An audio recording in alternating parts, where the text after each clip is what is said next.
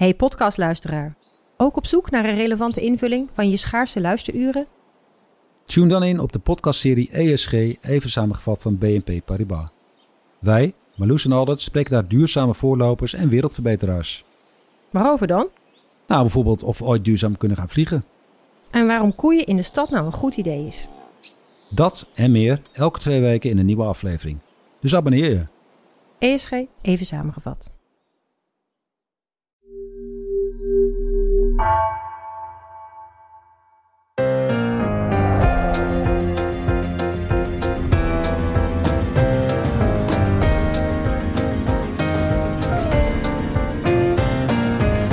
Dit is Haagse Zaken van NRC. Mijn naam is Lemia Arwa.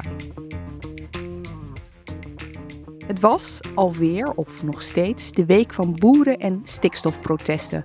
Met spandoeken aan de snelweg, files door trekkers die snelwegen blokkeerden en hooibalen die in de brand werden gestoken. Op verschillende plekken in het land blokkeerden ze snelwegen met langdurende files tot gevolg. Langzaam aan acties in het noorden, blokkades in het zuiden. Het was weer een dag van boerenprotesten. Dinsdagavond bereikte de onrust een kookpunt toen stikstofminister Christiane van der Wal weer thuis werd opgezocht en de boeren door een politieblokkade heen braken, met vuurwerk gooiden. En later in de week werd ook het gezin van CDA-kamerlid Dirk Boswijk bezocht. En gisteravond waren er acties bij de woning van minister Van der Wal. En daarbij werd geweld gebruikt. Demonstrerende boeren braken door een politieblokkade. Ik kan u vertellen, deze boeren gingen door roeien en ruiten. Die waren echt grenzeloos bezig. Eerder vandaag zei CDA-kamerlid Boswijk thuis te blijven na een protest van boeren bij hem thuis.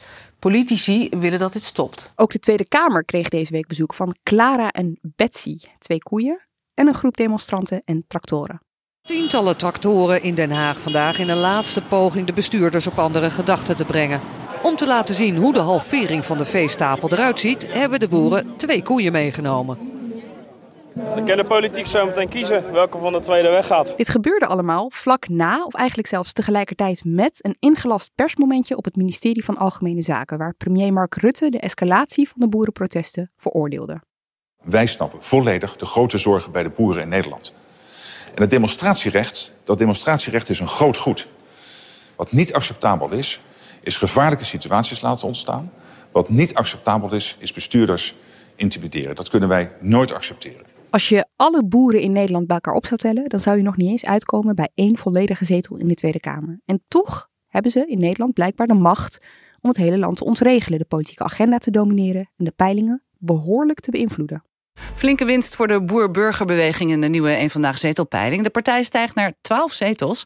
Het stikstofbeleid van het kabinet en het protest van de boeren geven Caroline van der Plas blijkbaar vleugels. Dit was in één vandaag. En in Haagse Zaken bespreken we de vraag waar de macht van de boeren nou precies vandaan komt. En wie er achter die boerenstem zit. En dat bespreek ik samen met twee NRC-redacteuren bij mij in de studio. Peter de Koning en Eppo Keunig. Welkom Hallo. allebei. Hey. Uh, Eppo, uh, jij volgt het stikstofdossier voor de politieke redactie. Jij was ook uh, samen met Clara en Betsy en al die boeren buiten het Tweede Kamergebouw. Mijn eerste vraag is eigenlijk, weet jij of Clara en of Betsy dit heeft overleefd? Goeie vraag. Ik heb het nog proberen op te zoeken diezelfde dag. Ik kon het toen voor de deadline niet terugvinden. ik weet wel dat Jesse Klaver twitterde, er worden per dag 1,75 miljoen naamloze dieren naar het slachthuis gevoerd. Dus ja, om mijn minister die keuze voor te leggen. Ja. Dat, uh... ja, bij de Partij voor de Dieren waren ze nog heel druk mee om de dierenpolitie te bellen en die in te schakelen, omdat ze het heel zielig vonden voor die twee koeien. Ja. Koeien schijnen weinig tegen prikkels te kunnen, toch? Ja, het was daar uh... enorm gestrest. Ja, ja, want vertel eens, Eppo, hoe was het daar? Nou, de sfeer was op zich best ludiek rond de Tweede Kamer. Er stonden tractoren op de middenberm, uh, niet op de weg. Er was muziek en inderdaad die twee koeien. Je zou bijna vergeten dat het hele Tweede Kamergebouw was afgegrendeld door politie en politiebusjes, wat op zich ja, verstrekkend is. Op momenten was het ook een beetje grimmig. Bijvoorbeeld toen Tjeerd de Groot van D66 naar buiten kwam hm. met beveiligers om met boeren te praten. Dat ging eigenlijk moeizaam en hij ging snel weer naar binnen. Binnen zaten ook wel boeren, een heel rijtje jonge boeren bijvoorbeeld met werkschoenen en een enkeling klompen die uh, alles eens uh, aanzagen wat daar gebeurde. Het was eigenlijk ook een soort surrealistische dag, want er hing een spanning alsof het hele stikstofbeleid die dag weggestemd of aangenomen kon worden. Het was er, waren dag, stemmingen, uh, er waren stemmingen over de moties van het stikstofdebat een week eerder. Dat was eigenlijk het enige. Ja. Er waren veertig stemmingen vrij technisch over het stikstofbeleid, over innovatie, over regie voor provincies. Maar het beleid als zodanig lag niet voor ter stemming. Er lagen op zich ook twee stemmingen, eentje van wantrouwen en eentje van afkeuring van het stikstofbeleid. Maar die waren bijvoorbeeld kansloos en die uh, hebben het ook niet gehaald. Nee. Jij zat ook op die publieke tribune mee te kijken, Petra, toen uh, daar steeds meer boeren naar binnen kwamen. De spanning van die dag valt daar ook wel een beetje samen te vatten, denk ik. Want iedereen verwachtte er volgens mij veel van. Verwachtte dat er op de een of andere manier iets zou gebeuren. Maar het was eigenlijk ja, vrij geruisloos uh, voorbij gegaan. Ja, het kwam natuurlijk ook die spanning door de voorman van Farmers Defence Force, die een dag des doods had aangekondigd. Dus er was echt veel spanning. Er was heel veel politie, er waren heel veel bodes. En ook in de zaal zelf, de Tweede Kamerleden waren echt een beetje zenuwachtig. Je zag ze elke keer naar de tribune kijken. En uh, ze, ja, weet je, ze voelden zich daar heel kwetsbaar. Uh, ik, ik hoorde later ook van mensen, van Kamerleden, die zeiden van ja, weet je, ze hoefden maar iets te gooien of iets te doen of even naar beneden te springen en ze stonden tussen ons in. Ja. Dus ze waren wel nerveus, maar er gebeurde helemaal niks. Toen het klaar was, de stemmingen, gingen die mensen gewoon allemaal naar huis. Ja. Dus niks aan de hand. Petra, jij volgt de VVD. Dat is een van de partijen die onder deze stikstofcrisis en die boerenprotesten te lijden heeft. We gaan het er straks uitgebreid over hebben, maar het is wel goed om alvast het er kort over te hebben. Merk jij zorgen bij de VVD'ers? Ja, zeker. Je had drie weken geleden het congres van de VVD in Halfweg. En toen werd er natuurlijk al die motie aangenomen die de partijtop helemaal niet wilde. Waarin werd gevraagd om het stikstofbeleid aan te passen. En het liet zien dat de VVD-top de grip lijkt kwijt te raken hè, op de partij. Je voelt hm, onzekerheid. Rutte wordt steeds minder populair. Hè. Uit een een vandaag peiling bleek ook dat de meeste VVD-kiezers hem helemaal niet meer willen als de volgende lijsttrekker. En ze hebben geen duidelijke opvolger. En in de peilingen gaat het dus echt niet goed. Nee. VVD. Ik volg zelf het CDA, uh, de partij die uh, voorheen geassocieerd werd, soms nog geassocieerd wordt als de boerenpartij, maar nu zelf in de peilingen behoorlijk wordt ingehaald door de boer-burgerbeweging van Caroline van der Plas. Gaan we het straks allemaal over hebben, maar we beginnen eventjes, uh, we nemen vrijdagochtend op met het debat van gisteravond, donderdagavond. Want al die uit de hand gelopen protesten die hebben ertoe geleid dat er dan donderdagavond een extra debat werd ingelast. App ook begin even bij jou. Wat zag jij? Wat ik zag was een onmachtige Tweede Kamer, die eigenlijk ook niet direct een antwoord heeft op die geëscaleerde boerenprotesten en intimidatie van uh, politici en bestuurders. Je ziet dat premier Rutte het verwijt krijgt van verschillende partijen geen regie te hebben genomen in de afgelopen jaren in het stikstofdossier, maar ook niet nu de zaak escaleert en er maatschappelijk onrust is. Uh, er is lang gepraat over een suggestie die oorspronkelijk kwam van uh, oud-minister van Landbouw Kees Veerman om een bemiddelaar of een commissie aan te stellen die dialoog tussen de boeren en het kabinet en politiek en bestuur moet herstellen. Een beetje met het idee van ze komen er zelf gewoon niet meer uit. Het is, uh, de loopgraven zijn te diep. Iemand moet het uit de slop gaan trekken. Ja, de Tweede Kamer moest natuurlijk wel met iets komen naar zo'n debat. En dit leek een poging om het gesprek weer op gang te brengen. En de rust een beetje terug te brengen. Terwijl er in feite al een tussenlaag zit tussen het kabinet en de agrarische sector. En dat zijn de provincies. Want die moeten het komende jaar het stikstofbeleid vorm gaan geven en boeren in gesprek gaan. Petra, je hoorde vooraf ook al van Kamerleden hè, van um, uh, een soort twijfel van wat voor debat dit zou worden. Als zij elkaar de tent uit zouden gaan vechten, terwijl het ging over de maatschappelijke onrust, ja, dan was de vraag, wat schieten we hier nou eigenlijk mee op? Ja, van tevoren ging ook rond dat ze elkaar dan niet zouden gaan interrumperen, maar daar kwam niks van terecht hoor. Het duurde best, best lang en uh, ze richten zich ook heel erg tegen elkaar. En dat, ja, dat is ook wel logisch. Nu Caroline van der Plas zo hoog staat in de peilingen, proberen ze ook allemaal haar aan te vallen en dat onderuit halen, ja. wat zij zegt. Woensdag werd dit debat uh, aangevraagd in een extra regeling van werkzaamheden. En toen zag je al bij sommige partijen zo'n twijfel van moeten we dit nou doen? Marijnissen bijvoorbeeld van de SP, die zei ja oké, okay, we hebben hier allemaal ons afschuw al uitgesproken uh, over hè, uh, de intimidatie, bedreigingen aan het adres van de politici. Waarom zouden we dat allemaal opnieuw moeten gaan doen in een debat? Het gebeurde toch. En wat mij dan opviel was dat ze allemaal een beetje of dat veel van die partijen een beetje aan het worstelen waren tussen aan de ene kant heel duidelijk zeggen van dit kan niet, weet je wel, dit mag niet, uh, we blijven een beetje poten af van, uh, van politici.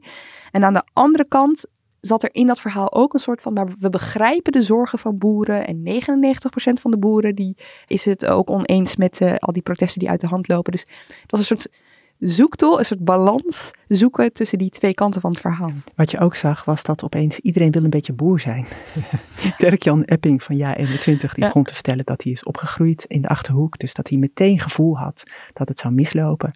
Rutte zei uh, een paar keer dat hij heel veel boeren kende in de Gelderse Vallei. Hè. Dat is van, uh, uh, hij gaat met zijn familie al van jongs af aan op, met vakantie naar Putten, dus daar, daar kent hij mensen. Ik was met de ChristenUnie in Apeldoorn vorige week en daar hoorde ik Gert-Jan Segers van de ChristenUnie zeggen dat Carola Schouten natuurlijk boerendochter is. Pieter Gindis is boerenzoon en hij is zelf geboren naast de boerderij. Dan komt het toch wel heel dichtbij. ja. Wat je ook ziet is dat vooral partijen oprecht strijden om die boerenstem. Daar kunnen we het later nog meer uitgebreid om hebben. Maar er ligt hier een enorm electoraat. En uh, dat concentreert zich nu eigenlijk vooral bij Caroline van der Plas van de BBB. Maar je ziet al die rechtse partijen zich ook, hè, die willen aanhaken bij de boeren. Je ziet uh, PVV-leider Geert Wilders, die eigenlijk de boosheid van de boeren op één grote stapel gooit. Met de boosheid over de toeslagenaffaire, over uh, geldgebrek, over migratie. Hij zegt letterlijk een paar keer in zo'n debat: Nederland is een vulkaan die op uitbarsten staat. Dus er wordt ook een hele hoop woede gekanaliseerd uit de samenleving in zo'n debat. En, en, je zag dat uh, dan die rechtse partijen ook gingen vragen bij de anderen van, uh, u zegt van alles, maar ik voel geen empathie met de ja. boeren. Uh, dat eerst deed Wilders dat en daarna Van Haga ook, precies dezelfde, op de, dezelfde manier. Van, ja, u zegt het nou allemaal dat het vreselijk is, maar zeg eens hoe zielig het is voor de boeren. Deden ze bijvoorbeeld bij Sophie Hermans van de VVD, hè? Ja. ja. Nou goed, iedereen kwam dus op de proppen met zijn innerlijke boer. Uh, met het feit dat hij een boer kende of dat hij geboren is naast een boerderij blijkbaar. Maar uit dit debat blijkt dus wel dat die boeren nogal wat losmaken. Dus we zagen de afgelopen tijd in, in het maatschappelijk debat, we zien het ook in de Tweede Kamer. Maar de vraag die er de hele tijd een beetje boven hangt is, wie of wat is precies die boerenstem? Nou, dat hebben we gevraagd aan Ascher van der Schelde. Hij is onderzoeker bij INO Research. Vorig jaar hebben wij een onderzoek gedaan voor de Volkskrant onder Nederlandse veehouders. Dus dat is een, uh, een groot deel van Nederlandse boeren, maar niet allemaal. En toen zei van deze groep de grote meerderheid: ik stem op Van der Plas, ik stem op BBB. Vanwege het feit dat het sindsdien natuurlijk nog uh, meer in het nieuws is gekomen, een groot onderwerp is geworden, zou het mij niet verbazen als het nu nog een groter deel zou zijn. Maar als je echt kijkt naar wat stemmen de boeren, dan is dat wel doorgaans BBB. Dus als je puur naar de boeren, in dit geval dus meer precies veehouders kijkt, dan stemmen zij inderdaad overwegend op de boerenpartij BBB. Maar we vroegen hem ook of dit de groei van de, tussen aanhalingstekens, boerenpartij verklaart. En hij zei van niet. Nou, volgens het CBS waren drie jaar geleden iets meer dan 50.000 boeren. Het zou kunnen dat het nu iets minder zijn weer. Maar bij de vorige verkiezingen waren 70.000 stemmen nodig voor een zetel. Dus er zijn niet genoeg boeren voor een zetel. Er zijn er wel weer meer mensen die werken in de landbouwsector. Dus dat zijn niet per se boeren, maar wel mensen die iets mee te maken hebben. Desalniettemin zijn niet zo heel veel mensen. Uh, maar zien we wel dat uh, veel stemmen nu gaan naar uh, Van de Plas van de boer-burgerbeweging. Maar als het niet alleen de boeren zijn, wie zijn het dan nog meer? Want Ascher van der Schelde vindt de term de boerenstem niet heel geschikt. Ik zou niet zo snel het woord de boerenstem gebruiken. Er zijn niet zoveel boeren in Nederland, dus die stem is niet zo groot. En daarnaast zijn er heel veel mensen die zeggen: Ik steun de boeren, maar uh, zijn geen boer. Dus dan lopen denk ik meerdere dingen door elkaar heen. Maar goed, wat je wel kan zeggen is dat de steun voor de boeren in ieder geval tot vorige week vrij groot was. Hoe dat uh, na afgelopen week zich heeft ontwikkeld, dat weten we nog niet. Maar um, in ieder geval, er is vrij brede sympathie. Van der Schelde heeft wel een idee wie die sympathisanten zijn, of in ieder geval van welke partij ze afkomstig zijn, en ook waar in Nederland hun huis dan staat. De BBB wordt nu gepeld op minstens 9 zetels. Bij ons staan ze zelfs nog wat hoger, 12. Met andere woorden, heel veel niet-boeren voelen sympathie met de boer en neigen nu naar BBB. Als we even inzoomen op deze groep, dan zien we dat deze mensen een jaar geleden doorgaans nog CDA, VVD, PVV of Forum stemden. BBB vist dus in een uh, brede rechtse vijver. En geografisch zien we dat BBB vorig jaar vooral sterk scoorde in landelijke gebieden in het oosten van Gelderland of Overijssel, maar nu eigenlijk overal een brede basis heeft, behalve in hele sterk stedelijke gebieden. Dat is dus best interessant, want ik noem BBB een boerenpartij, maar Caroline van der Plas, als ik me niet vergis, die zegt altijd, we zijn geen boerenpartij, we zijn een plattelandspartij. Eppo, herken jij dit beeld van, uh, wat ik dan toch maar eventjes de boerenstem uh, uh, noem voor het gemak, dat Van der Schelde schetst? Ja, wat, wat nog interessant is, Caroline van der Plas begint debat ook altijd met uh, boeren, burgers. En het is ook de boer-burgerpartij. Ze willen een brug slaan tussen boeren en burgers. Er is ook niet één boer natuurlijk. Uh, er zijn in Nederland ruim 50.000 boerenbedrijven. Dat aantal is de afgelopen 20 jaar ongeveer gehalveerd. Oh ja. Overigens is de totale oppervlakte van het boerenland daarbij niet gehalveerd. Die is ongeveer hetzelfde gebleven. Die is wel iets, iets uh, gezakt. Uh, maar boerenbedrijven zijn dus vooral veel groter geworden. En tegelijkertijd is er best een aanzienlijke groep boeren. Die kan echt heel moeilijk rondkomen financieel. Dus um, de soort boerenbedrijven verschilt al enorm. En daarnaast heb je inderdaad nog een hele grote hoeveelheid andere sectoren. Zoals uh, transport, export, uh, veevoer, verwerking, de voedingsindustrie, de bouw, landbouwtechnologie. Ja, die mensen zullen zich allemaal in meer of mindere mate ook verbonden voelen met de boerenzaak. Ja. En dan heb je nog mensen die gewoon wonen op het platteland, in een boeromgeving. En daar ook uh, gevoel bij zullen hebben. Precies, ja. Want als je in een agrarische omgeving woont. Ik was uh, ja, aan het begin van dit jaar best veel in Tubbergen voor het CDA. Hè. Ik volgde daar een CDA-afdeling in aanloop naar de gemeenteraadsverkiezingen. En wat je daar dan zag, was dat zelfs mensen die in het dorp woonden, dus helemaal niet op een boerderij, zich toch zorgen maakten omdat de buslijnen weggingen, het buurthuis al verdween. En als dan ook nog die vanzelfsprekendheid van al die boerderijen en omgeving ook nog eens ter discussie staat, dan lijkt alles door de vingers uh, te glippen. Dus misschien is het, gaat het inderdaad niet alleen zozeer om die veehouders of om die boeren, maar ook wel om alles eromheen. Het, het complete plaatje, zou ik maar zeggen, in agrarische uh, omgevingen. Ja, het is een groot gevoel van verlies. Ze raken Precies. dingen kwijt. Ja. Het is in feite die kloof tussen platteland, waar je vaker van hoort. Ik sprak daar Henk Vermeer over. En hij is eigenlijk de belangrijkste adviseur van Caroline van der Plas. Hij is een van de oprichters van de Boer-Burgerbeweging. Ik sprak hem in het midden van het land deze week. In een wegrestaurant toen het ook nog eens heel hard regende. En dat hoor je op de achtergrond van het volgende geluidsfragment. Dat gaat um, over de reden waarom de BBB zo enorm groeit in de peiling. Caroline is natuurlijk, ja, die doet het super als lijsttrekker. Omdat zij is authentiek, no nonsense, eenvoudig taalgebruik. Wij zeggen altijd van dat wat men in Den Haag kleine, klein leed noemt, is uh, voor onze achterban grote pijn. Eppo, jij hebt een dagje meegelopen met Caroline van der Plas uh, zelf van de BBB in het weekend nadat het kabinet die stikstofdoelen publiceerde. Dus het was een heel uh, spannend moment, zou je kunnen zeggen. Petra, jij hebt nou, vorig jaar eigenlijk zo'n beetje het hele jaar achter Caroline van der Plas uh, aangelopen voor een eindejaarsverhaal, het profilerend stuk. En ik wil daar eigenlijk eventjes mee beginnen, want zij zit helemaal nog niet zo heel lang in de Tweede Kamer. Wie is zij? Ja, Caroline van der Plas is, is echt een absolute nieuwkomer hè, in de politiek. Ze is wel vroeger actief geweest voor het CDA. Maar dat, dat is al een tijdje terug. En ze kwam vorig jaar vrij onverwacht in de Kamer met één zetel. En ze viel direct op hè, door haar uh, directe stijl van optreden. En ze lijkt weinig angst te hebben om fouten te maken en toe te geven. Ze heeft ook weinig neiging om zich aan te passen aan gewoontes in de Tweede Kamer. Ze zegt vaak: Ik stel hier de vragen die mijn kiezers ook hebben als ze op de bank zitten en een debat volgen. Ze was lobbyist in de agrarische sector. Ze gaf communicatieadvies aan boeren. Haar bedrijf heette Farm and Food Communication.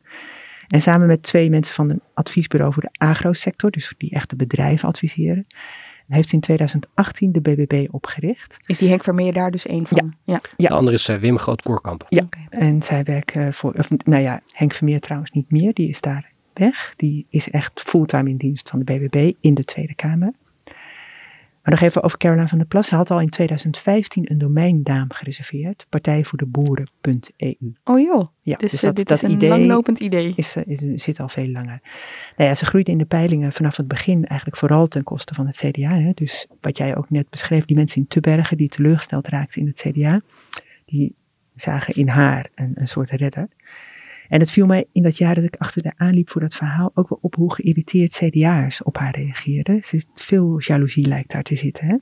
Ik was bijvoorbeeld in Zeeland bij een groot bedrijf met haar en daar kwam een CDA-bestuurder en die vertelde dat zijn afdeling het eigenlijk helemaal niet wilde. Het bestuur van zijn afdeling. Van wat ga je nou met Van der Plas doen? Oh, ja? en die loopt maar kiezers bij ons weg te halen. Nou, ze is natuurlijk ook echt een concurrent van het CDA, een oude boerenpartij. Uh, wat Petra net zei over het registreren van die domeinnaam al in 2015. Toen ik een dagje meeliep met Caroline van der Plas, vond ik heel interessant, zei ze.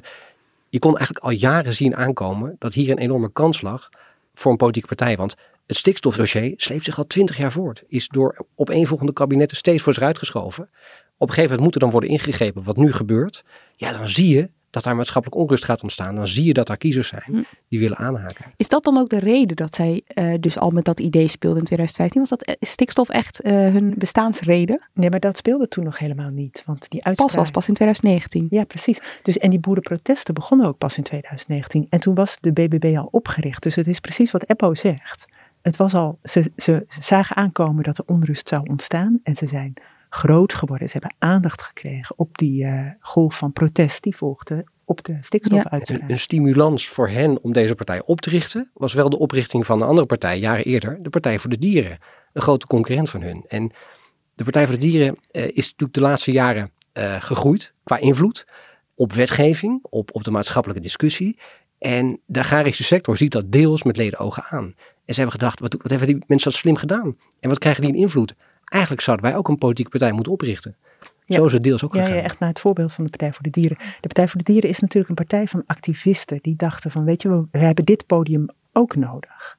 En zo is het bij het BBB ook gegaan. Ze dachten van, wij hebben ook dit podium nodig. Stel je voor, we krijgen één zetel. Dan krijgen we enorm veel kans om, om aandacht te trekken. Nou, dat is gelukt. Ze heeft een hele eigen manier van politiek uh, voeren. Je noemde het al eventjes, uh, uh, Petra. Er viel jou iets op in het debat van vorige week, het stikstofdebat.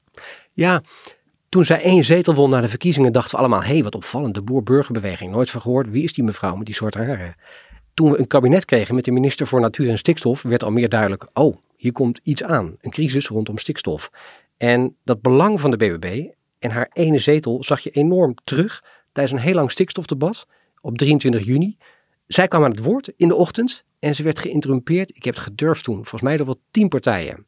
Dat is best bijzonder voor een eenmansfractie. En uiteindelijk was zij twee uur lang aan het woord. Een eenmansfractie. En dat zegt iets over haar belang. Het zegt iets over de andere partijen die eigenlijk willen, willen aanhaken bij die airtime van uh, Caroline van der Plas. Maar ze domineerde daarmee het eerste deel van het debat. En dat was uh, bijzonder. Ja, het is voor die andere partijen misschien ook wel een manier om aan hun achterban te laten zien. Hè? Van of je bent ideologisch volledig tegenstander van, uh, van de BBB. Dus dan kun je je op die manier positioneren.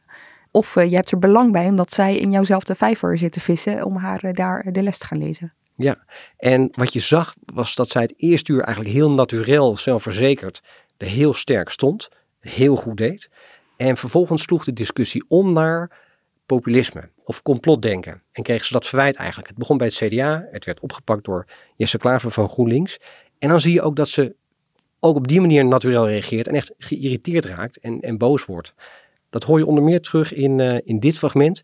Dat volgt op een discussie waarin zij het verwijt kreeg. U dient eigenlijk de belangen van de vleesindustrie of de grote agrarische partijen, de commerciële belangen. En toen werd ze boos. Er wordt voor mij gesuggereerd dat ik op de een of andere manier aan een touwtje hang van de vleesindustrie, van de veevoerderhandel, van de transporteurs, maar dat ik eigenlijk een soort van corrupt zou zijn. En dat vind ik heel, heel ernstig. U kunt daar nu ook afstand van nemen door ik neem persoonlijk feit afstand te maken? Absoluut. Ik word daar op Twitter en sociale media ja. ook al van beschuldigd. En dat komt uit een bepaalde hoek. Ik krijg het steeds voor mijn voeten. En ik word niet gauw boos. Maar ik ben het nu wel. Ik vind het heel ernstig wat hier gebeurt. Je ziet ook dat uh, partijen haar ook eigenlijk de hele tijd uh, een beetje verantwoordelijk probeert te houden voor desinformatie. Of haar eigenlijk ervan beschuldigen dat zij desinformatie verspreidt. Hè? Dus dan, dan zeggen ze bijvoorbeeld tegen haar, nou ja, het is niet eerlijk. U vertelt niet het eerlijke verhaal aan uh, boeren. En daar reageert ze dan ook heel geprikkeld op. Ja, klopt. Dirk Boswijk van het CDA zegt zelfs, eigenlijk is het heel gemeen wat u doet. Want u houdt uw eigen achterban een verhaal voor wat niet haalbaar is.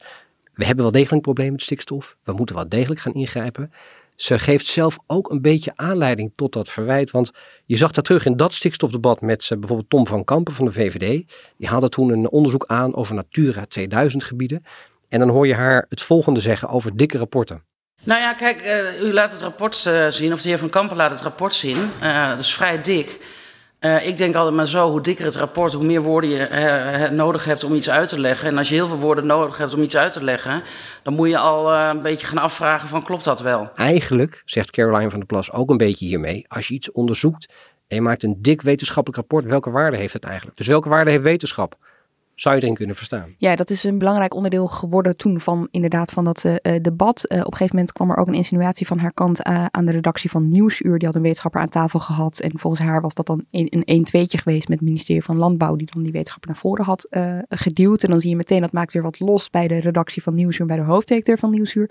Het brengt steeds wat in beweging, zal ik maar zeggen. Dat klopt. Je zag de redactie van Nieuwsuur toen ook reageren op Twitter. En die zei, we hebben deze wetenschapper zelf uitgenodigd. Het ministerie heeft daar geen inmenging in gehad.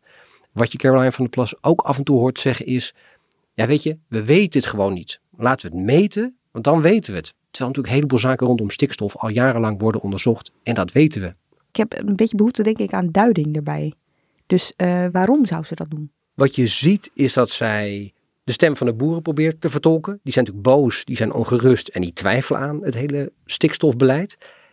Dus die twijfel wordt wel een beetje gevoed ook door Caroline van der Plas. Misschien heeft ze die twijfel ook oprecht en denkt ze, uh, stikstof is geen probleem. Het werkt wel, want zoals we al zeiden, ze heeft dus één zetel in de Tweede Kamer. Maar in de peilingwijzer, dat is een soort afgewogen gemiddelde van een aantal peilingen, uh, staat ze nu tussen de 9 en 13 zetels. Die zetels die komen deels van de partij die jij volgt, Petra, de VVD. En in die debatten waar we het net al eventjes over hadden, zowel deze week als vorige week dat grote stikstofdebat, zie je de VVD ook een beetje worstelen. Ja, en het meest duidelijk zag je dat bij de VVD natuurlijk op dat congres. Hè, toen 51% van de stemmen van de leden tegen de stikstofplannen van de eigen minister stemde. En dat was voor de VVD echt een ongekende opstand in de partij. Hè. Ook van mensen die twijfelen aan de modellen, hè, waar Eppo het net over had. Die, die modellen die het RIVM gebruikt voor de stikstof.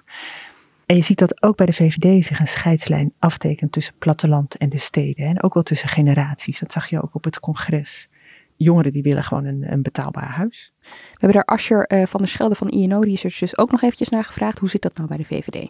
Als we vragen aan mensen wat de regering nu moet doen, dan zeggen 4 op 10 VVD'ers, de regering moet meer doen om ervoor te zorgen dat er minder stikstof uh, vrijkomt, wordt uitgestoten. Uh, en net zo'n groot deel zegt, ga zo maar door. En de rest zegt, er moet juist minder worden gedaan. Je ziet een enorme verdeeldheid binnen die partij. En datzelfde geldt voor het CDA. Nou ja, die partijen bevinden zich gewoon in een spagaat. En dat zien we dus ook heel duidelijk terug in ons onderzoek. Dus niet alleen bij de VVD, Lemmia, ook bij het CDA, de partij die jij volgt. Dat was toch de boerenpartij. Ja, wat was of is, weet je wel. Dat is, is, daar, is er misgegaan? Daar is iedereen eigenlijk een beetje over aan het nadenken. Van zijn wij nog steeds de boerenpartij? Ik denk dat als je het vraagt aan CDA'ers in de Tweede Kamer, dat ze zeggen van wel. Hè. Je hebt het Kamerlid Dirk Boswijk. Hij is een tijdje terug met een landbouwvisie gekomen. Hij gaat echt ontzettend veel langs bij boeren, in gesprek met boeren. Uh, ik weet dat dat niet altijd makkelijke gesprekken zijn, weet je wel. Want hij, hij komt in confrontatie met mensen die denken, die, het CDA heeft ons in, in de steek gelaten. Maar als je gaat kijken, nou, om weer terug te komen op Tebergen, um, daar zien ze hun eigen CDA eigenlijk helemaal niet meer zozeer als uh, de boerenpartij. Je had daar zelfs mensen die dan politiek actief zijn of zouden zijn, zouden worden voor het CDA. Die, die stonden bijvoorbeeld op de kieslijst. En die dan ook eerlijk zeiden van, luister, we staan nu voor de gemeenteraadsverkiezingen op de lijst voor het CDA. Maar ik heb met de landelijke verkiezingen gestemd op BBB. En met de provinciale staatsverkiezingen zie ik eigenlijk al aankomen dat ik ook op de BBB ga stemmen, weet je wel. Dus dat is een groep die zich helemaal niet meer vertegenwoordigd wordt door het CDA. Je ziet die partij een beetje worstelen met, we moeten een soort nieuw verhaal gaan vertellen. Dat zijn ze ook wel aan het doen over landbouw. Waarin ze boeren wat minder naar de mond willen praten, want zo wordt dat wel uh, gezien. Maar dat betekent wel dat ze meteen het resultaat daarvan zien als zij tegenover Caroline van der Plas staan in, uh, in de Tweede Kamer. En zien dat zij wel het verhaal vertelt wat boeren willen horen. Het is ook altijd interessant om te kijken naar de bankjes van het CDA als Caroline van der Plas een interruptie aan het plegen is. Of als zij uh, haar inbreng aan het doen is. Er wordt veel met ogen gerold. Valt me echt oprecht op. Dus dan, hè, kijken ze naar elkaar van, god, daar gaat ze weer. Maar echt een antwoord erop hebben ze nog niet uh, gevonden. Ja, en in de Tweede Kamer zit het CDA en BBB ook nog eens op dezelfde gang, hè, op de uh, vijfde verdieping. En die CDA'ers moeten elke keer als ze naar hun eigen kamers gaan, moeten ze langs de twee kamers van BBB lopen.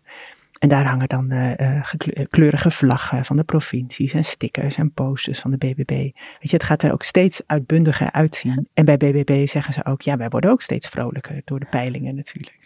Jij bent een dag op die gang gaan zitten Ja, voor, de, voor een column ben ik dat gaan doen. Uh, kijk, tussen het CDA en BBB zit sinds kort uh, Nilife Gundogan, die bij Volt weg is. Die heet ook de Gundogang sinds die tijd, toch? de, en uh, Caroline van der Plas heeft al heel lang een boek klaar liggen voor de, uh, Gundogan. Maar dat, ja, ze heeft er nog niet gezien. Maar daar omschrijft ze die gang als de leukste gang van de Tweede Kamer. Nou ja, dat is het natuurlijk niet voor het CDA. Hè? Ik ben in die gang natuurlijk ook even langs geweest bij Dirk Boswijk. Caroline van der Plas zegt dat ze al vanaf het begin dat ze in de Tweede Kamer zit, heel graag met Dirk Boswijk, de landbouwwoordvoerder van het CDA, koffie wil gaan drinken. Maar dat is er nog steeds niet van gekomen.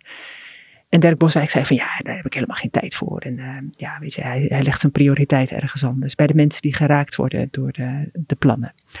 Maar Van der Plas wil nog steeds heel graag. En ze heeft ook CDA's in Zeeland, toen ze daar pas een keer was, heeft ze gezegd van ik, ik wil gewoon met het CDA, laten we gaan samen optrekken, dan bereiken we veel meer voor de boeren. Oh, dus zij, wil, zij ziet daar Ja. ook echt wel samenwerkingsmogelijkheden. Ja, en Ja. toen zei die CDA-bestuurder, ik zal met eh, Dirk gaan praten. Ja, terwijl hè, Peter, als je op ehm, achtergrond spreekt met CDA'ers, dat horen wij dan, die, die nemen haar nog steeds niet helemaal serieus. Die doen nog steeds alsof het een soort opvlieging is en dat gaat vanzelf wel weer voorbij. Ja, ze denken dat zij eh, met hun ideologische basis en hun plannen uiteindelijk die kiezers weer zullen terugwinnen, ja. Ja. Grappig genoeg zie je dus bij het CDA ook wel, vooral bij ehm eh, CDA'ers die politiek actief zijn in de stad of in een middelgrote stad. Ik sprak deze week John Kuit bijvoorbeeld van eh, het CDA in, eh, in Rotterdam. Dat die van kiezers horen als ze campagne voeren. Hij vertelde bijvoorbeeld tijdens het folderen voor de gemeenteraadsverkiezingen, hoor ik nog steeds, ah ja, jullie zijn een boerenpartij. Terwijl hij zegt, als je kijkt naar het verkiezingsprogramma, wij zijn al lang niet meer die boerenpartij.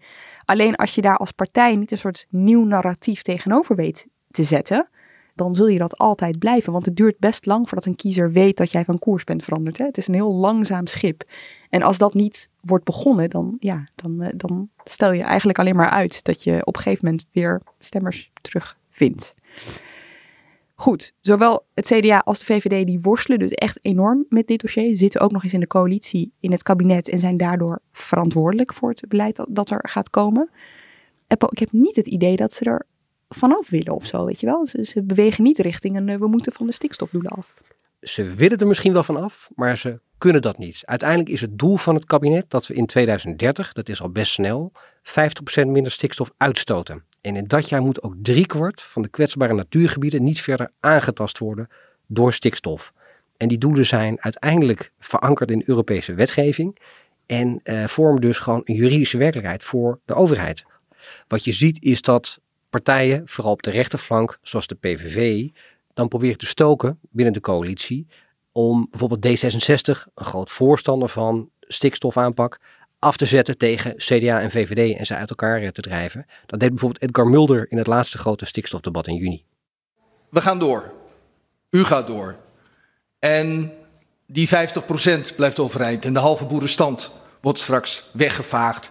En CDA heeft straks nergens meer nog afdelingen die het steunen. En bij de VVD lopen leden weg. Als straks nog meer de pleuris uitbreekt in dit land. Als er nog meer ellende gebeurt. Als er de, de, de kloof met de rest van de bevolking nog groter wordt. Blijft D66 dan dit stikstofbeleid door de strot van de coalitie doen? Het is wel interessant, want je ziet, ze vinden dit natuurlijk heel vervelend bij VVD en CDA, weet je wel. Want zij zitten voor een deel in dezelfde eh, vijver eh, te vissen. En ze moeten er iets mee, want toen die stikstofbrief kwam van Christiane van der Wal en Henk Staghouwer eh, met die doelen... Toen zag je in het CDA meteen heel veel onrust ontstaan. Dus er waren allerlei afdelingen die zich er meteen al tegen keerden. Die de Tweede Kamerfractie vroeg om er niet mee in te stemmen. En toen moest de fractievoorzitter van het CDA, Pieter Heerma, die moest iets. Dus op een dinsdag, rond de verzamelende pers, had hij een mededeling. Wat het CDA betreft, dat voel ik ook breed in het land, staat niet ter discussie dat het nodig is dat er maatregelen worden genomen om die stikstof naar beneden te brengen. Dat is noodzakelijk. Maar de manier waarop, daar is, is veel uh, onrust en beroering ontstaan. Het gevoel dat bepaalde landelijke gebieden bijna van de kaart weggeveegd worden. Dat er niet voldoende naar andere sectoren gekeken worden. En het gaat nu alleen over de agrarische sector, maar alle sectoren zullen een bijdrage moeten leveren. Ik heb de nodige provinciale bestuurders ook afgelopen weekend gesproken die zeggen, ook wij willen die doelen gaan halen, maar we willen het op een andere manier gaan doen. En de kop hè, waar hij op dat moment op reageerde was: uh, regeringspartij CDA eist aanpassing stikstofplan kabinet. Dat ging er op dat moment rond. Alleen als je door ging vragen, dan bleek dat ze eigenlijk ja, uh, hetzelfde vonden als wat het kabinet eerder in de brief had gezet. Daar stond al namelijk in, in zoveel woorden, wat hij daar aan het verkondigen was. Dus je zag ook aan de kant van journalisten ja, een beetje verwarring. Al die dingen die u noemt, die, die, dat is toch niet tegen het kabinetsbeleid in? Dat zijn toch precies dingen die het kabinet ook voorstelt? Nou, ik, ik, sta hier niet om aan te geven uh, wat het kabinetsbeleid. Ik wil aan te geven wat wij als CDA-fractie gaan inbrengen in debatten, welke aanpassingen wij willen. Ja, maar u zegt, u zegt, u vraagt aanpassingen van het beleid aan het kabinet, maar alle aanpassingen die u noemt, dat is op dit moment onderdeel van het beleid. Nou, op het moment dat je pak, pak bijvoorbeeld de kritische depositiewaarde. Dit was eigenlijk best een uh, beetje pijnlijk. Ja, het was ook wel ingewikkeld voor Pieter Heerma, want eigenlijk zou Dirk Boswijk dit doen. Hij, uh, Pieter Heerma zit hier helemaal niet goed in, maar Boswijk was er niet. Die moest uh, thuis iets doen. Dus later heeft Pieter Heerma Boswijk nog bedankt dat hij mocht inspringen. Ja, en op de achtergrond hiervan, want hier omheen, goed, bij het CDA rommelde het echt ontzettend. En toen is het verenigingsbestuur bij elkaar gekomen. Um, dat zijn de provinciale uh, voorzitters. Wopke Hoekstra was er ook bij. Pieter Heerma was er ook bij. En toen hoorde Wopke Hoekstra, maar wacht even, waar ben jij eigenlijk in dit verhaal? Want we horen Pieter Heerma nu en we zien Dirk Boswijk vol in de wind staan. En jij dan? En was het verhaal dat Heerma en Hoekstra daar hielden in die interne vergadering. Ja, als Hoekstra zoiets had gezegd, dan zou er een interne kabinetscrisis ontstaan. En Heerma die zou zoiets wel kunnen zeggen. Dat zijn ze van plan vaker te gaan doen. Want dan, hè, het CDA kan een kleur op de wangen krijgen, maar zonder dat ze uh, meteen een kabinetscrisis uh, teweeg uh, gaan brengen. Alleen je ziet wel in de partij dat er wel naar Hoekstra gekeken wordt. Van luister, ehm, we, we stevenen af op um, misschien wel een ongekende verkiezingsuitslag met de provinciale staatsverkiezingen. En dat heeft gevolg voor onze positie in de Eerste Kamer. Waar ben jij?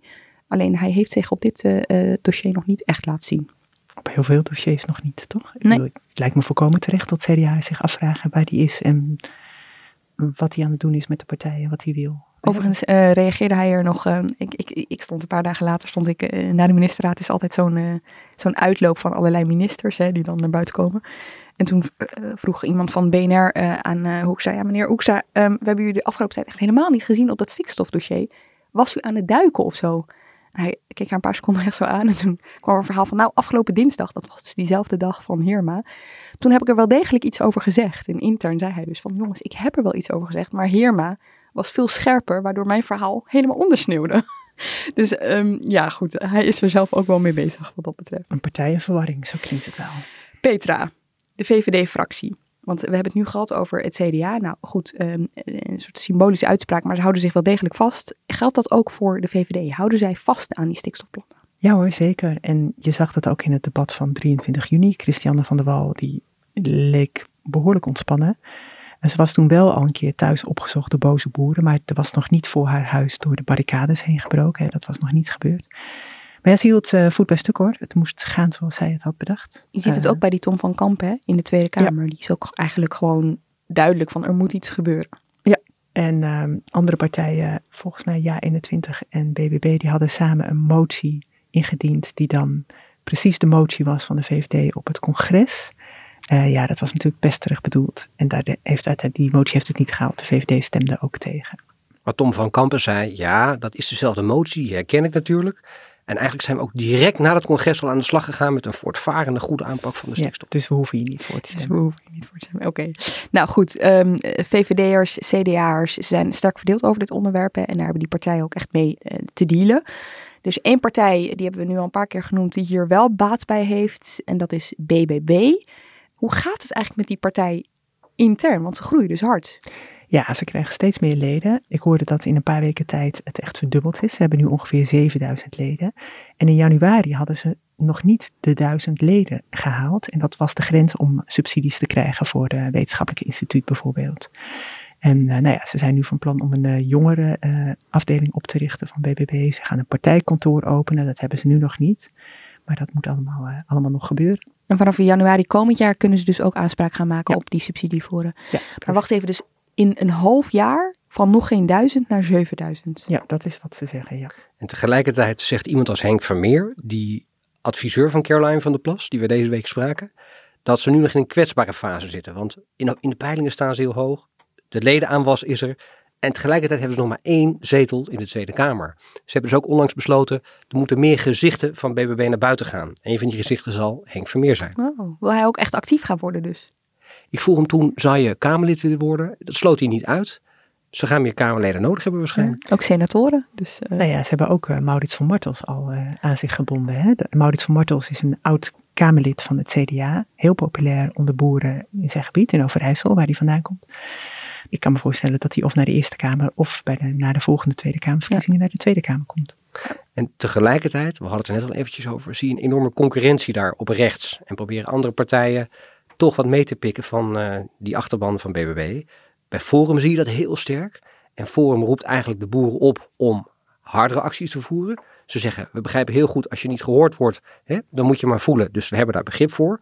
Tegelijkertijd zeggen ze dan steeds in een disclaimer erbij, we zijn tegen gewelddadig verzet. Je ziet dat uh, Ja21 het doet, je ziet dat de PVV het doet, uh, SGP is kritisch. Eigenlijk alle partijen op rechts. Dat stikstofdebat van uh, 23 juni, als je er met die blik naar gaat kijken, dan hoor je veel. Na de energiecrisis, de migratiecrisis, de klimaatcrisis, de coronacrisis, de wooncrisis en de crisis in de jeugdzorg veroorzaakt Rutte 4 nu de stikstofcrisis. Voorzitter, het zogenaamde stikstofprobleem is een theoretisch probleem. Die stikstofplannen die voorliggen zijn een klap in het gezicht van de hele agrarische sector. En ondertussen moet het platteland bloeden. Ja, hier hoor je dus hoe zij zich allemaal opwerpen als hè, ehm, eh, de, de boerenpartij. Hè, als de partij die er is om die belangen eh, te vertegenwoordigen. Caroline van der Plas krijgt er ook persoonlijk van langs. Ja, van Gideon van Meijeren van Forum voor Democratie. Als je complimenten krijgt van de kartelpartijen en wordt met open armen wordt ontvangen door de staatsmedia om in geuren en kleuren je verhaal te vertellen, dan ben je kennelijk geen bedreiging voor de macht. Als je fundamentele kritiek hebt en het echt anders wil doen, dan word je buitengesloten. En als je meegaat in die doelstelling en het net iets anders wil doen, dan mag je meedoen. En als mevrouw van der Plas liever wil meedoen dan dat ze wil winnen, dan is dat haar goed recht. Maar de realiteit is helaas dat wie niet wil winnen, uiteindelijk zal verliezen. Echt heel interessant wat hier gebeurt, hè? Want je hebt dus middenpartijen en linkse partijen die Van der Plas eigenlijk al vrij extreem vinden in haar uh, verhaal over uh, uh, stikstof, over natuur, over boeren. Dan zijn er partijen daaromheen die zichzelf nog aan haar rechterkant plaatsen. Dus Van Meijer of FVD, die, die gelooft helemaal niet in een stikstofprobleem. Dus ze hebben zich de hele tot elkaar te verhouden. En, um... Eigenlijk zegt BBB zelf en Caroline van der Plas daarover... geen enkele boer in Nederland zegt dat er niets moet gebeuren... maar een stikstofprobleem als zodanig... Eigenlijk zegt zij steeds, het gaat de overheid om de grond. Ze willen de grond van de boeren hebben. Dat hoor je ook in dit fragment van Henk Vermeer. Het gaat wel om ruimte. Het gaat om 1% misschien op woningbouw, 2% op zonnepanelen, 3% op distributiecentra en tel alles maar bij elkaar op. Maar je kunt maar één keer het eraf halen. En wat ons betreft is het wel een gevecht om ruimte. En dan moet je het eerst de ruimte verdelen. En dan pas kijken wat je volgende stap is. Dus wat Henk Vermeer eigenlijk zegt van de BBB. De overheid voert hier een eh, gevecht om ruimte in plaats van om stikstof. En het landbouwareaal is heel groot. Pieter Grinwis van de ChristenUnie had daar een interessante discussie over met Caroline van der Plas. Ook tijdens datzelfde stikstofdebat. En hij viel haar eigenlijk aan op dat idee van het gaat de overheid om grond. Hij zei, nou we willen de komende tien jaar ongeveer 1 miljoen woningen bouwen. Daar heb je misschien 1% landbouwareaal voor nodig. De landbouw omvat nu misschien 56% landbouwareaal. Dus ja, die overige 55% die zal toch echt niet naar woningbouw gaan. Nou, zegt Caroline van der Plas vervolgens, goed, maar je zult maar wonen net op die ene procent die moet wijken voor woningen. Ja, dat is natuurlijk dramatisch. Maar je kunt je afvragen hoe steekhoudend is dan het argument, het gaat de overheid om grond. Maar je ziet het wel aan de hele rechterkant, hè, dat zeg maar de ruimte. En de een beweert dat boeren straks onteigend worden, omdat er ruimte nodig is voor uh, vluchtelingen om ze daar te huisvesten. Dus je ziet dat iedereen daar zijn eigen politieke standpunten op projecteert. Dat klopt. En je ziet ook dat vooral partijen op rechts überhaupt schade aan de natuur in twijfel trekken. Bekend is dat een teveel aan stikstof de biodiversiteit schaadt en bepaalde plantensoorten juist stimuleert, zoals bramen, zoals brandnetels. Mm -hmm. Dan heeft de PVV, uh, Edgar Mulder, bijvoorbeeld over de nieuwe natuur of de groenere natuur. Ja, zo kun je het ook zien. Het is wel groen, ja. Het is groen, Het zijn ja. andere planten, ja. Elimia, jij zag bij de protesten van afgelopen week toch ook hoe uh, Caroline van der Plas werd aangevallen hè, over die ruimte. En dat, dat het erom zou gaan om de boeren weg te jagen. En dan kunnen vluchtelingen Nederland inkomen. Hoe ging dat? Ja, je had natuurlijk dat protest dus inderdaad uh, buiten de, uh, de, Tweede Kamer. En je had een jongen met een camera en een um, microfoon van ongecensureerd, zo heet dat. Je kan het vinden op YouTube. Die stelde de, dezelfde vraag aan Van Haga, aan Wilders en dus aan Caroline van der Plas. Nou het was niet echt een vraag, het was meer het poneren van die stelling. Van nou ja, dit is gewoon nodig, zodat die vluchtelingen straks allemaal gehuisvest kunnen worden. Dat moet dan ten koste gaan van de boeren. En ik zat mee te luisteren met hoe Caroline van der Plas daar dan op ging reageren. En het viel me op, ze werd ontzettend boos op die jongen. Dus ze ging heel kortaf reageren. Nee, nee, hoe kom je erbij? Hoe kom je erbij? En op een gegeven moment um, ging ze hem uitleggen dat vluchtelingen helemaal geen recht hadden op um, een, een, woning. Dat dat ging om statushouders en dat dat maar goed was ook, omdat ze daar dan recht op hadden. En het eindigde er ergens in mee dat ze tegen de jongen zei, nou, ik uh, hoop dat jij nooit hoeft te vluchten en dat als dat moet gebeuren, dat je ergens met open armen ontvangen wordt. En die jongen die wist niet wat hij meemaakte, want die had dezelfde vraag gesteld aan andere rechterpolitici. Die waren allemaal een beetje met hem mee gaan praten. En zij was hem daar de les aan het lezen. En ik heb het nog even gecheckt. En zij heeft als enige de eindmontage van dat filmpje niet gehaald. Dus uh, het, het past ook echt niet in het verhaal wat de jongen wilde vertellen. Ja, hij zei zelf daarover. Uh, die lui hebben een mond vol over de vrijheid van meningsuiting. En uh, dat de reguliere media alles maar knippen en plakken naar hun eigen welbevinden. Ja. Toont ook een beetje aan dat er moeilijk een sticker te plakken is op Caroline van der Plas en de BBB zelf. En ze noemen zichzelf sociaal rechts. Ze gaan niet automatisch mee in iedere frame van rechts of van links. Ze proberen toch een authentiek ja. uh, verhaal te brengen. Ja. Uh, ook als het gaat om statushouders, om vluchtelingen, hoewel ze redelijk strikt daarin zijn. Ja, nog heel even hierop terugkomend, want ik merkte, uh, ik twitterde erover, hè, dat allerlei mensen gingen zeggen, nou Caroline van der Plas zegt dit toch zelf ook, heeft dit toch altijd gezegd, dat verband gelegd tussen vluchtelingen en... alleen, zij legt steeds wel het verband inderdaad ruimtetekort. Er is ruimtetekort en uh, we, we zijn met steeds meer. En, maar zij legt niet dat directe verband met dit doen ze. Dit, hè, dit is een soort plan van het kabinet. We gaan die boeren onteigenen zodat we de vluchtelingen kunnen neerzetten. En die nuances die vervallen op de een of andere manier. Er valt niet echt een sticker op te plakken. Terwijl je ziet dat iedereen daar wel ontzettend veel behoefte aan heeft. Dat zagen we deze week ook bij de stemming, hè Petra? Uh, ja, uh, Caroline van der Plas had toen per ongeluk voor een motie gestemd om een asielstop in Nederland af te kondigen. En daarna kwam ze naar de interruptiemicrofoon en zei ze: Nee, nee, ik, uh, ik word geacht tegen gestemd te hebben, want ze had tegen willen stemmen. Ja, en dat wordt geacht tegen te hebben gestemd, dat is gewoon een soort standaardformulering als je verkeerd hebt gestemd in de Tweede Kamer, hè? Ja, ze kregen daarna enorm veel kritiek op.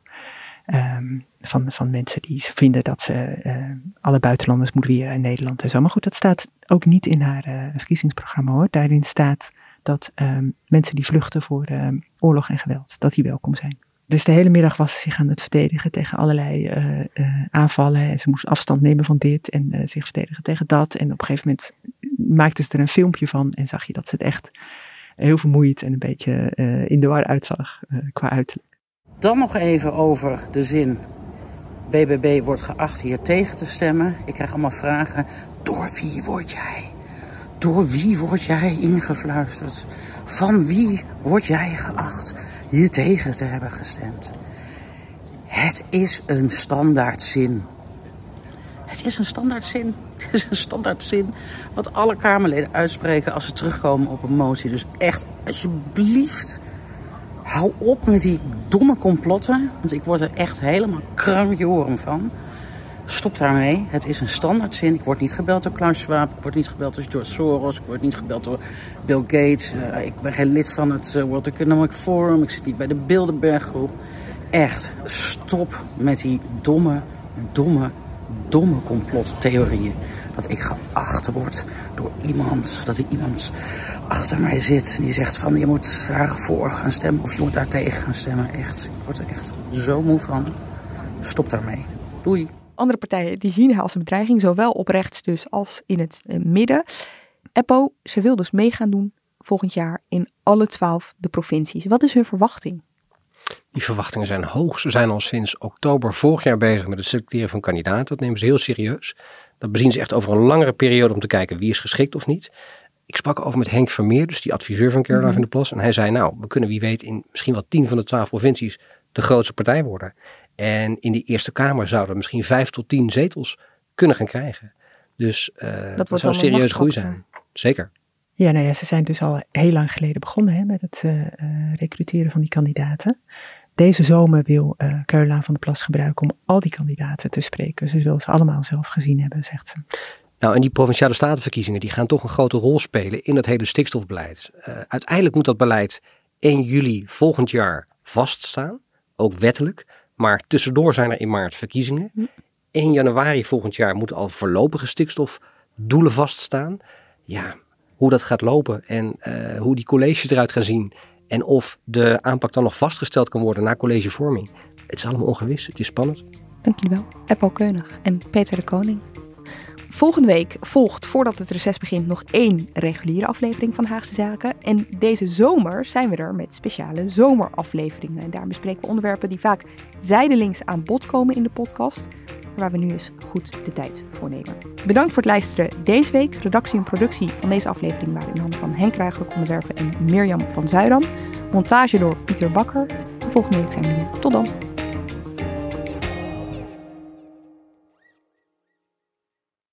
Technologie lijkt tegenwoordig het antwoord op iedere uitdaging. Bij PwC zien we dit anders. Als we de potentie van technologie willen benutten, kunnen we niet zonder een menselijk perspectief. Human-led, tech-powered noemen we dat. Ga naar pwc.nl.